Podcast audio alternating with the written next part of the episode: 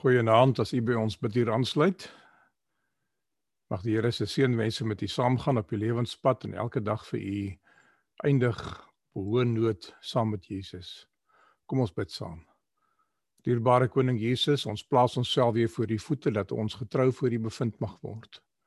Here, my gebed is dat u met ons sal saamgaan deur hierdie nag wat voor ons lê, maar ook in die dae wat elke dag voor ons geplaas is, dat ons getrou sal wees tot die einde toe. In Jesus naam vra ons dit. Amen. Die titel van hierdie boodskap is die klipkapper getrou tot die einde toe. Die teks is Kolossense 3 vers 17. Paulus skryf aan die kerk in Kolosse en hy skryf die volgende, maar ek gaan vir u vers 16 ook lees.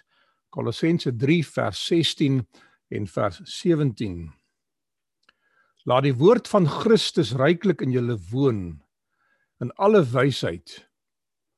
Leer en vermaan mekaar met psalms en lofsange, geestelike liedere en sing in julle hart met dankbaarheid tot eer van die Here. En wat julle ook al doen in woord of in daad, doen dit alles in die naam van die Here Jesus. En dank God die Vader deur hom.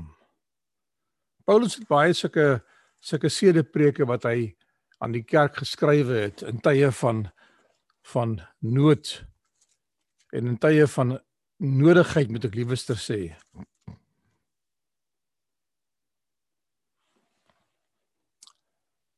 Dit was lekker geweest om Sabbat in 'n kerk te wees waar ons liedere kon sing en lofprysing kon hê. En dit maak regtig 'n verskil in ons aanbidding. Ek wil julle aanmoedig om terug te gaan kerk toe waar u in aanbidding voor die Here kan verkeer in hierdie tyd. Die inleidingsverhaal is 'n simboliese verhaal geskrywe deur 'n man met die naam van Hugh Robert MacDonald. Hy vertel die volgende verhaal. Hy sit eendag in sy stuurkamer langs die kerkkantoor en hy was die predikant van die plaaslike gemeente sê hy. Dit was 'n maandagooggend gewees, 'n gewone dag soos enige ander dag met die roetine take voor hom, die administrasie, die studiewerk, die persoonlike toewyding deur die loop van die dag. En dan wanneer hy sou uitgaan om mense te ontmoet en die dinge te doen wat die Here op sy hart geplaas het. Net voor hy wil opstaan om sy werk te begin, uh klop daar iemand aan sy kantoordeur. Hy sê dit is 'n man met 'n indrukwekkende voorkoms en wat wel geklee is en hy nooi die persoon binnekant te kom sit en hy het 'n plekkie gehad waar hy gewoonlik met gaste in sy studeerkamer verkeer het wat gekom het vir 'n onderhoud. Hy sê vergewe my Dominee McDonald, maar ek moes eenvoudig persoonlik vir u kom ontmoet. McDonald sê hy was half uit die hy wind geslaan, verbaas. Hy sê ek ken jou nie. Hy sê uit uh ek wil myself voorstel. Toe maar maak die man hom stil en sê vir hom: Ek ken jou. Ek besoek jou kerk al lankal reeds vir 'n geruime tyd lank. McDonald hy kom ewenigs verbaas aan sê die skrif hierso en hy het nog nooit in die kerk gesien nie. Wie is u? vra hy verbaas. Nou ek het ook al mense ontmoet wat my gesê het ek is 'n lid van jou gemeente en dan het ek vir die manne of vroue gesê maar ek het jou nog nooit gesien in die kerk nie. Daar is baie lidmate wat rondbeweeg wat nie in die kerk inkom meer nie.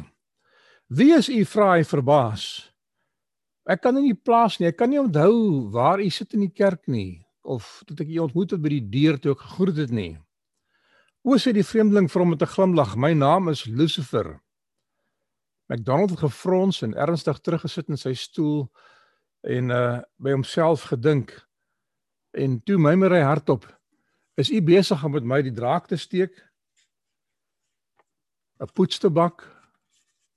As hierdie een van daardie verhale wat mense agterna gaan sê, ek wou net gesien hoe jy reageer. Die vreemdeling gaan voor deur 'n verteenwoordigingskaartjie voor McDonald op tafel te plaas en hierop is in groot letters gedruk Lucifer. Ek hoop nie u gee om nie gaan Lucifer voort, maar ek was 'n paar maal in die kerk gewees toe u gepreek het. U sien, ek deurkruis die aarde en soos 'n goeie generaal spioneer ek op die plekke waar ek weet my teenwoordigheid min impak op die mense het. Dit is veral die kerke waar mense Christelik georiënteerd is en kinders van God is en daar aanbid. Ek het jou pas van 'n sending van u gemeente afgehandel en wou u persoonlik kom ontmoet het. Wel, ek moet nou weer gaan, vertel hy die verhaal. Ek het nog 'n paar gemeentes om te gaan besoek. En hy draai om om totsiens te sê en begin terug na die deur toe stap. McDonald sê hy sit asof hy versteend is in hierdie verhaal. Maar toe die vreemdeling by die deur kom, kom hy tot verhaal en hy kom oorent en hy sê, "Uh, uh wag net 'n oomblik, meneer Lucifer. Kan jy my meedeel wat jy in my kerk gesien het toe jy daar aanbid het of besoek het?" Satan draai hom skuins na die deur en glimlag terug.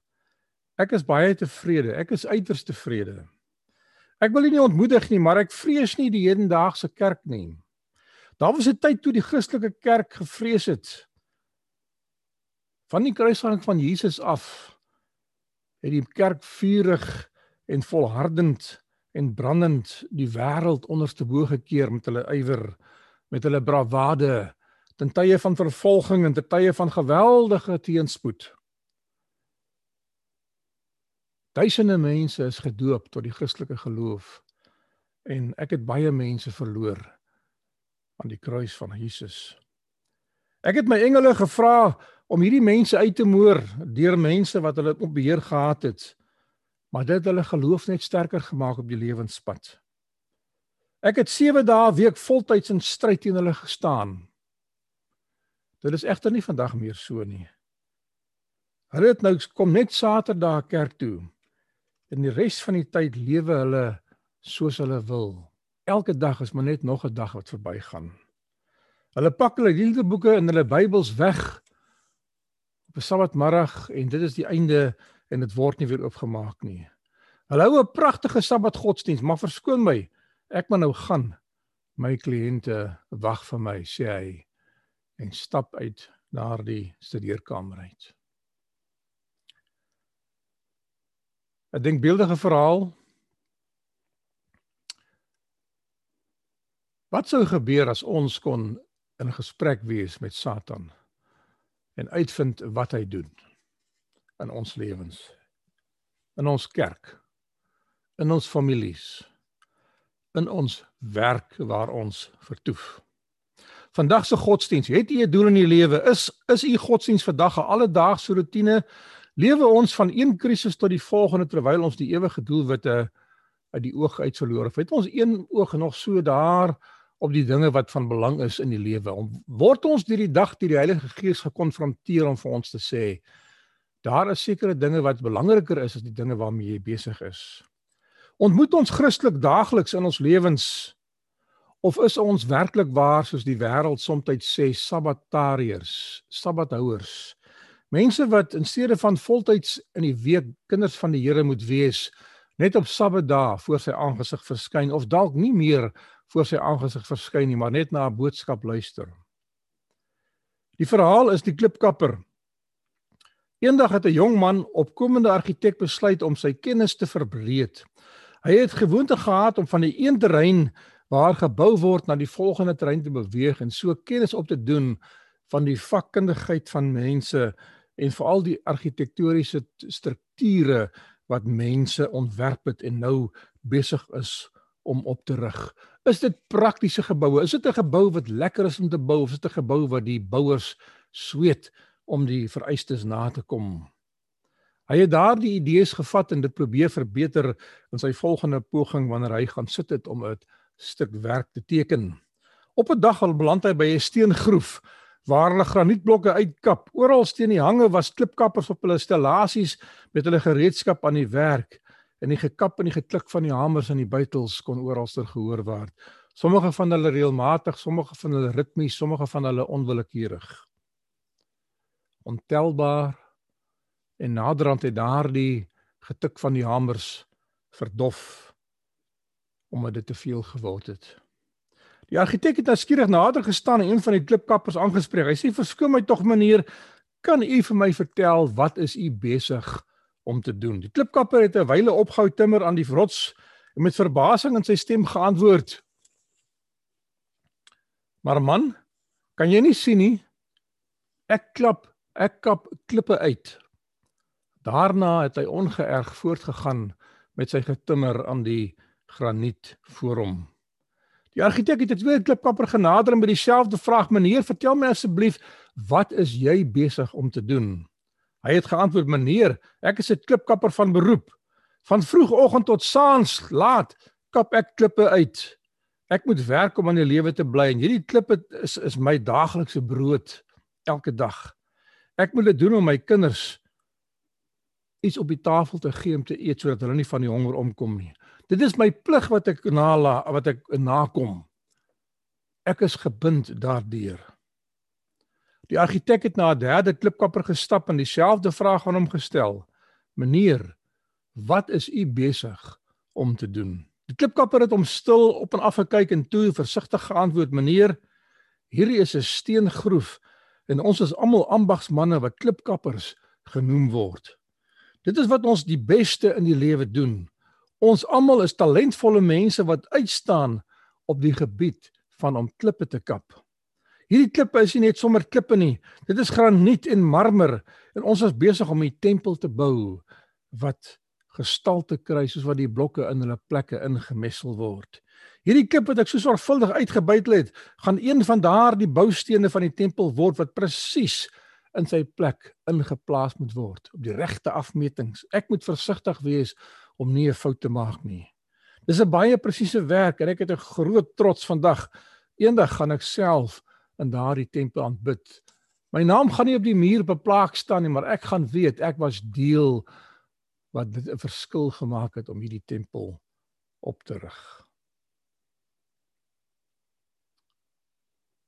Ek wil vir u as 'n gehoor, as 'n gemeente, as 'n kerklidmaat, as 'n vriend, as 'n vriendin vra Hoe sien u die taak wat naaste aan u lê? Die taak wat u as u plig beskou, die taak wat u uit rotine uit soms verrig, die taak wat u uh nie hoef te dink en 'n handleiding na te slaan om dit te doen nie. Het u u eie lewenstaak wat u verrig?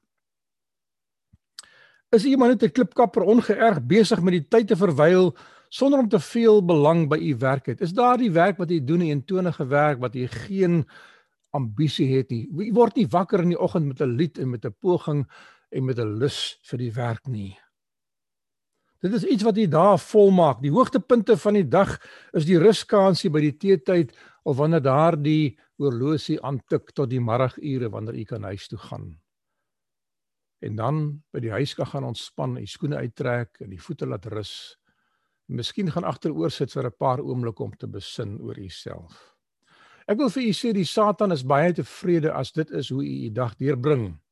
Is u miskien soos die tweede klipkapper wat 'n lewenstaak van verpligting, die onderhoud van verdienste raak sien? Hy moet dit doen om aan die lewe te bly en hy sloeg voort dag na dag asof sy lewe daarvan afhang. Dit word gedoen om 'n inkomste te verseker, maar dit kon net sowel enigiets anderster gewees het. 'n Werkbare mens se houding die is van 'n persoon wat net 'n bestaan maak. En daar geen verskil tussen maandag en vrydag is nie, behalwe dat jou werk gestaak word of jou werk begin word. Is dit hoe u lewe is elke dag? Ek wil vir u sê Satan gaan tevrede wees. Die derde man beeld 'n ander houding uit. Iemand wie se lewe gevul is met 'n doel. Hy staan op om iets te gaan doen vroeg in die oggend en hy sien daarna uit en hy doen dit met oorleg en met kennis en met wysheid en hy is trots wanneer hy terug staan om sy handewerk te aanskou. Hy gaan slaap in die aand omdat hy moeg is en hy tevrede is. En hy dank die Here dat hy kans gehad het om deel te wees van so 'n grootse projek waarmee hy sy lewe kon vul. Dit was nie net iets wat hy bereik het uh ons alledaagse lewe nie.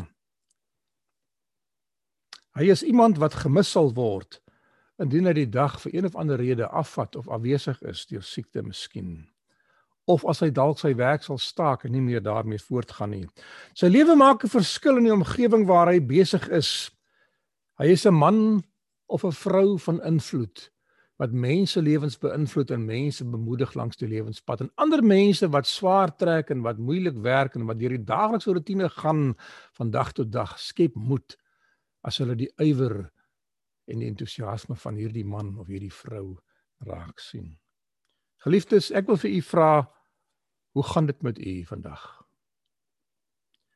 Voorbeelde uit die lewe uit. Die geneesheer kan sê, ek behandel my pasiënte tot die eer van God. Ek glo in God se betrokkenheid en ek bid vir elke pasiënt om genesing terwyl ek hom fisies aanraak. En ek bid dat daardie aanraking 'n simbool sal wees van die aanraking van die Heilige Gees. Of God se hand wat verleng word om 'n persoon nog hoop, nog 'n kans op die ewige lewe te gee. Ek hoop om vooruitgang te sien. Ek kyk uit met genesing. Ek bid vir my pasiënte dat wanneer hulle my verlaat, hulle sal voortgaan dat God in hulle sal werk. Ek het 'n invloed wat ek uitoefen op hulle lewens. Elke dag is 'n nuwe geleentheid om nuwe mense te ontmoet. En ek hoop dat hulle nooit sal vergeet dat hulle in my studeerkamer of in my spreekkamer in hierdie geval van die geneesheer was nie. Die kompeteer kan sê ek verkoop my goedere soos 'n ware ambassadeur. Ek gebruik my talente en vernuf en my lewenskrag en en ek is vol vuur en omdat elke dag 'n uitdaging is omdat elke persoon van 'n ander een verskil, moet ek by elke huis 'n gebed doen voor ek ingaan en die Here se seën vra. Ek jaag gedoel na en ek skep behaag in my wete dat my kliënte waarde vir hulle geld kry. Ek plaas nie net iets in hulle huise wat nuttig is nie, maar wat werklik hulle lewens kan verander. En op grond van hierdie boeke wat hulle gaan koop, gaan hulle 'n nuwe rigting inslaan, nuwe ambisie in die lewe hê, nuwe moed skep en 'n beter mens wees. My kroon gaan eendag skitter van mense lewens wat verander is omdat hulle hierdie boeke van God gelees het. Ek los iets meer agter as net leesstof op my lewenspad. Ek weet ek wen 'n siel vir die koninkryk van God, maar o wee, die tyd is so min en daar is so baie wat nie die waarheid ken nie. Elke dag begin ek met 'n gebed in die wete dat ek die diens van die Here is. In die aand sluit ek my dag af met die wete ek was getrou en ek kan met oorgawe ontspan na die dag se volharding is u en ek getrou. Die huisvrou kan sê elke dag is vir my 'n uitdaging en 'n nuwe ontdekkingsreis. Ek het pligte wat die lewe van 'n ander aangenaamer kan maak. Ek is voltyds besig met karakterbou en voorbereiding van my kinders en die ondersteuning van my man. Hy help my wanneer hy by die huis kom met sommige van die take en ons geniet dit om dit saam te doen soos Adam en Eva in die tuin van Eden die take saam verrig het aan die begin. Wanneer my huistake afgehandel is, spandeer ek tyd met my Skepper en ek vra my om advies en ek lê my planne voor hom neer. Somstyds verander ek die huis om bietjie anders te lyk en ek plaas verrassings in die huis vir die res van my gesinslewe. Ek lewe my lewe voluit. Ek moet die baie krisisse in die huis hanteer en soms vereis dit baie geloof van my en daar is min mense wat weet hoe baie hard ek werk. Daar is min wat miskien waardering het. By my gesin weet ek waardeer wat ek doen. En hulle sien die opoffering van my lewe al is dit miskien in die oë van sommige mense minderwaardige werk. Is dit vir my 'n werk wat ek vir God verrig en ek doen dit deeglik en met al my krag. Ander kan nie verstaan hoe ek entoesiasties kan wees om 'n pot kos op te sit of om die huis te versuur in die middel vertrekke nie. Ek is 'n baie direkte werktuig in die genade van God en eendag as die Here vir my vra, "Wat het jy met jou talente gedoen?" sal ek vir hom so baie kan vertel. En my kinders en my man sal getuig van wat dit vir hulle beteken het. Ek hoop dat my kinders ook daar sal wees om te getuig van my opoffering en liefde vir hulle en wat dit vir hulle kan beteken. Ek het 'n dokter, die sielkundige, die raadgewer, die regter. Almal is deel van hierdie huishouding van my en ek vervul daardie rol van elkeen van hulle. Geliefdes, ek het baie denkbeeldige verhale vir u vanaand en ek hoop dat u nie sal omgee of sal aanstoot neem daaroor nie. Maar by wyse van hierdie verhale wil ek vir u bemoedig dat u nie sal moedeloos word met die roetinewerke wat u voor het nie. Is u godsdiens 'n roetine taak wat voor u lê, 'n plig wat u moet afhandel van dag tot dag? Is u werk 'n roetine taak? Is u verhouding as man of as vrou as metgesel van die lewensmaat 'n roetine taak wat u moet afhandel? Is die opvoeding van u kinders 'n roetine taak? Is wanneer jy uitgaan om plesier te hê saam met u gesin, maar net iets wat jy nog weer eens doen? Of kan jy werklik jy hart daarin sit? Is die reis wat jy aanpak op die op die op die paaie van ons land rotine take of is u besig om self daardie dinge genotvol te maak en vol te maak met lewenservarings wat betekenisvol kan wees aan die einde van die dag? Is jy besig om God tot om tot eer van God jou eie eer en jou eie roeping uit te leef of doen jy dit vir God en vir mense? Is jou beroep edele beroep en gekenmerk deur getrouheid of deur valsheid? Is jy besig om die mensdom uh uh om van hulle te neem of is jy besig om aan die mensdom terug te gee wat die Here vir jou gegee het? Jesus van Nasaret Hy het nie boek gehou van sy oortyd wat hy gewerk het nie. Elke dag het hy te min ure gehad om daardie dag mee vol te maak, sien ek in die Bybel. Hy het nie afskeep werk gedoen deurdat hy mense uh Goed, ek het nou hier verkeerd gelees.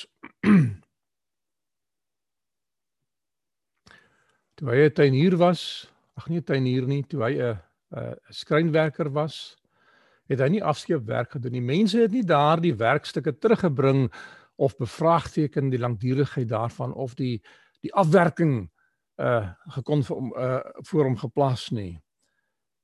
Hy was getrou selfs as 'n ambagsman sien ek in die boekie Koning van Eeue. Hy het meer gegee as wat vir hom verwag was en hy het alles ingesit en ek glo dat elke dag het hy die dinge van die ewige lewe ook oorpyns totdat sy openbare bediening eendag begin het. Hy het nie probeer wegkom van die ontvanger van die lisensie inspekteur of die kerkdiaken of die kollektebordjie af weg nie. Daar is nie pligte wat hy vermy het en uitgestel het en gesê het ek sal dit later doen totdat dit later dan heeltemal weggelaat was nie. Elke dag was 'n uitdaging. Ek wil hierdie verhaal afsluit met weer eens 'n simboliese verhaal. In Ottawa, Kanada was daar 'n verkoopsman. Hy het 'n fantastiese persoonlikheid gehad en was vinnig besig om opgang in die besigheidswêreld te maak. Hy was verbonde aan 'n maatskappy wat versekerings verkoop het en hy was so pas aangewys as die beste verkoopsman van die jaar. Die prestasies van die lewe praat ons van.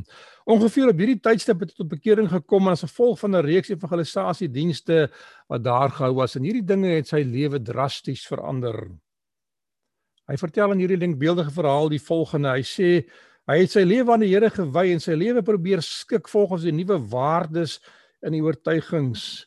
En nou gaan hy voort met 'n denkbeeldige verhaal waar hy 'n dialoog en 'n beeldspraak vir ons probeer iets uitbuit in sy eie eenvoudige manier as verteenwoordiger. Eendag terwyl ek op kantoor sit, sê die man, kom daar iemand in my kantoor ingestap soos in die eerste verhaal wat ek met u vertel het. Meneer Williamson, ek vertel, ek wil graag persoonlik kom ontmoet het. Ek vertrou en verstaan dat u dit so pas by my organisasie aangesluit. Ek is die skakelbeampte en ek wil graag vir u vergewis van die voordele wat u toekom as u 'n lid van hierdie gewaardeerde maatskappy is en een van ons top besigheidsmande gaan word. Williamson was uit die veld geslaan, skryf hy in hierdie verhaal. Hy dra nie kennis van 'n nuwe maatskappy waar hy begin diens doen het nie. Die man weet vorentoe en sê vir hom hier, neem my visitekaartjie en gebruik hom soos jy hom nodig het. Ek sal vir jou deure oopmaak en ek sal jou maklike toegang tot al die maatskappy se voordele gee wat vir jou nodig mag wees. Williamson neem die kaartjie denkbeeldig en hy lees daar Jesus Christus. Die man staan op terwyl hy hom aanspreek. Meneer Williamson, indien ons in die toekoms gaan saamwerk, is daar egter 'n paar dingetjies wat ek aan oor die aandag wil bring. Hy sê as vennote gaan ons voortaan 'n eerlike pad loop. U sal moet afsien van die gebruik om oortyd te boek wat u nie werklik gewerk het nie, want ek is bewus daarvan. U sal moet ophou om vorms in te vul vir denkbeeldige kliënte wat u so 'n groot kommissie sal besorg wat u nie werklik mee gewerk het nie. U sal ook in die verlede polisie verkoop aan mense sonder wettige kontrakte op te stel en eet u self so in die verlede bevoordeel. U moet teruggaan en daardie dinge gaan regstel en daardie mense vergoed vir die verliese wat hulle gelei gelei het sodat my maatskappy se naam hoog gehou kan word. As jy die voorwaardes nakom, maak ons jou 'n groot verkoopsman, maar jy sal jou lewe in orde moet kry van nou af vorentoe. Jy kan nie die naam van ons groep Christene deur die modder sleep nie. Hierdie man het die verhaal vertel hoe hy die Heilige Gees met hom in gesprek was. En hy het daarin dan besef hoe ver hy van God af weggedwaal het. En in antwoord op daardie versigtiging van sy hart het hy die die proses voortgesit wat hy begin het toe hy hom laat doop het en aangesluit het by die kerk van die Here. Hy het sy skuld bely en sy saak met die Here reggestel. Hy het uitgereken hoeveel hy van sy kliënte gesteel het en hy het dit begin terugbetaal oor 'n termyn. Hy het sy baas gaan sien en hom meegedeel van sy bedrog en verwag om afgedank te word. Maar die hoof het dit nie gedoen nie. Hy kon egter nie die nuwe pad loop sonder Jesus nie. Hulle het hom 'n promosie gegee en gesê ons is bly dat jy 'n nuwe rigting ingeslaan het. My oproep aan u vandag as 'n lidmaat van die kerk, as 'n kind van Jesus, as een van die broers en susters van Jesus Christus. Jesus verwag dat ons godsdienstig 'n daaglikse wandeling met hom moet wees en nie net op Sabbatdae nie. Jesus verwag van ons dat ons ons talente en ons karakters vir hom moet ontwikkel en alles wat ons doen tot eer van sy naam sal doen. Ons moet ons hande werk met trots en met eerlikheid kan aanbied en ons moet kan terugstaan aan die einde van die dag kan sê ek was in diens van die Here selfs in die klein rotine taakies wat ek elke dag verrig. Ons moet daardie werk met entoesiasme aanpak, met vriendelikheid, met opregtheid En as ons opoffering doen, moet ons weet dit word opgeskrywe in die boeke van die hemel en ons moenie daarvoor 'n beloning verwag nie. Satan sal nie met ons lewens tevrede wees nie. Hy sal soos 'n brullende leeu rondloop, maar in God sal ons 'n beskutting vind. En Jesus sal uit die hemel uit op ons neersien en glimlag wanneer hy aan ons dink. Die Heilige Gees sal met verblyding in ons harte ons lewens volmaak en aan nog maniere dink wat hy aan ons kan voorstel om ons lewens te verryk. Geliefdes in die Here, my gebed vir u is baie eenvoudig dat u getrou sal wees tot die einde toe soos 'n klipkapper wat daardie werk begin. Dat Satan ontevrede te sal wees as hy dalk vir u besoek in u lewens in beskou neem en sê dat hierdie man is 'n gevaar vir my aandring en my teenstand teen die koninkryk van God. Maar dat Jesus as hy ons sou kon besoek het vir ons net goeie woorde gehad het. Ek het hierdie week weer 'n uh, uh, ek kry dikwels bemoedigende boodskappe van lidmate af wat en vreemdelinge soms mense wat ek nie eers ken nie. En ek het weer 'n boodskap gehad wat vir my op 'n snaakse plek geplaas was wat my bemoedig het en vir my gesê het ons waardeer wat jy doen. Geliefdes, Ek wil vir u sê die Here het waardering vir wat u doen. U rotine taakies, daardie dinge wat u dink, as u gedink het u moet 'n groot taak vir die Here doen en 'n evangelis wees of 'n martelaar vir die Here wees, dit is nie so nie. Daar waar die lewenspad vol staan en vir die Here instaan, dit is waar die Here u sien. En dit is wat in die boeke van die hemel opgeteken staan. Mag die Here vir u seën dat elke dag 'n nuwe dag sal wees vol van die ervarings met Jesus Christus en dat u sal weet u is in diens van God selfs in die klein dingetjies wat u doen wat niemand sien nie. Mag die Here vir u seën. Kom ons bid saam. Dierbare koning Jesus ek bid u seën en ek bid u genade oor hulle wat luister en hulle wat kyk. Oor die kinders en hulle wat miskien in moedeloosheid versink het. Hulle wat liewe Here dink dat hulle lewens net aangaan as 'n rotine taak wat niks beteken nie. Here eendag gaan u vir ons vertel en vir ons wys hoe hierdie dinge onontbeerlik was vir ons karakterbou. En veral gaan mense na ons toe kan kom en kan sê dit is deur jou voorbeeld en jou energie wat ek krag op die lewenspad gehad het. Ek het saam gegaan want ek het geweet jy loop saam met my die pad en ek is bly daaroor. Jy het my bemoedig, jy het my bygestaan, jy het my gehelp. Jy was daar as 'n voorbeeld gewees. Here, as dit miskien nie so is as ek nou dit voor mense plaas nie, Help ons om so te word. Mag gee vir ons nog steeds die krag en die bemoediging om te weet U gaan met ons wees al die dae tot aan die volëinding van hierdie wêreld. Seën nou U kerk. Seën elke individu. Seën die gesinne wat mekaar kom. In Jesus naam vra ons dit. Amen. Geliefdes in die Here, mag die Here vir u seën dat u ook in hierdie aand sal gaan slaap met die wete ek was vandag getrou in diens van God en wat ek ook al gemaak het. As jy 'n kansie het en as jy wil, kan u saam 'n gebed doen met u gesin, met u familie om die beurt kort gebede of u kan in die privaatheid van u binnekamer gaan en daar vir 'n paar oomblikke u self voor die aangesig van die Here verootmoedig in gebed. Ek wil u uitnooi om dit wel te doen. Mag die Here vir u seën tot ons mekaar weer sien in Jesus naam.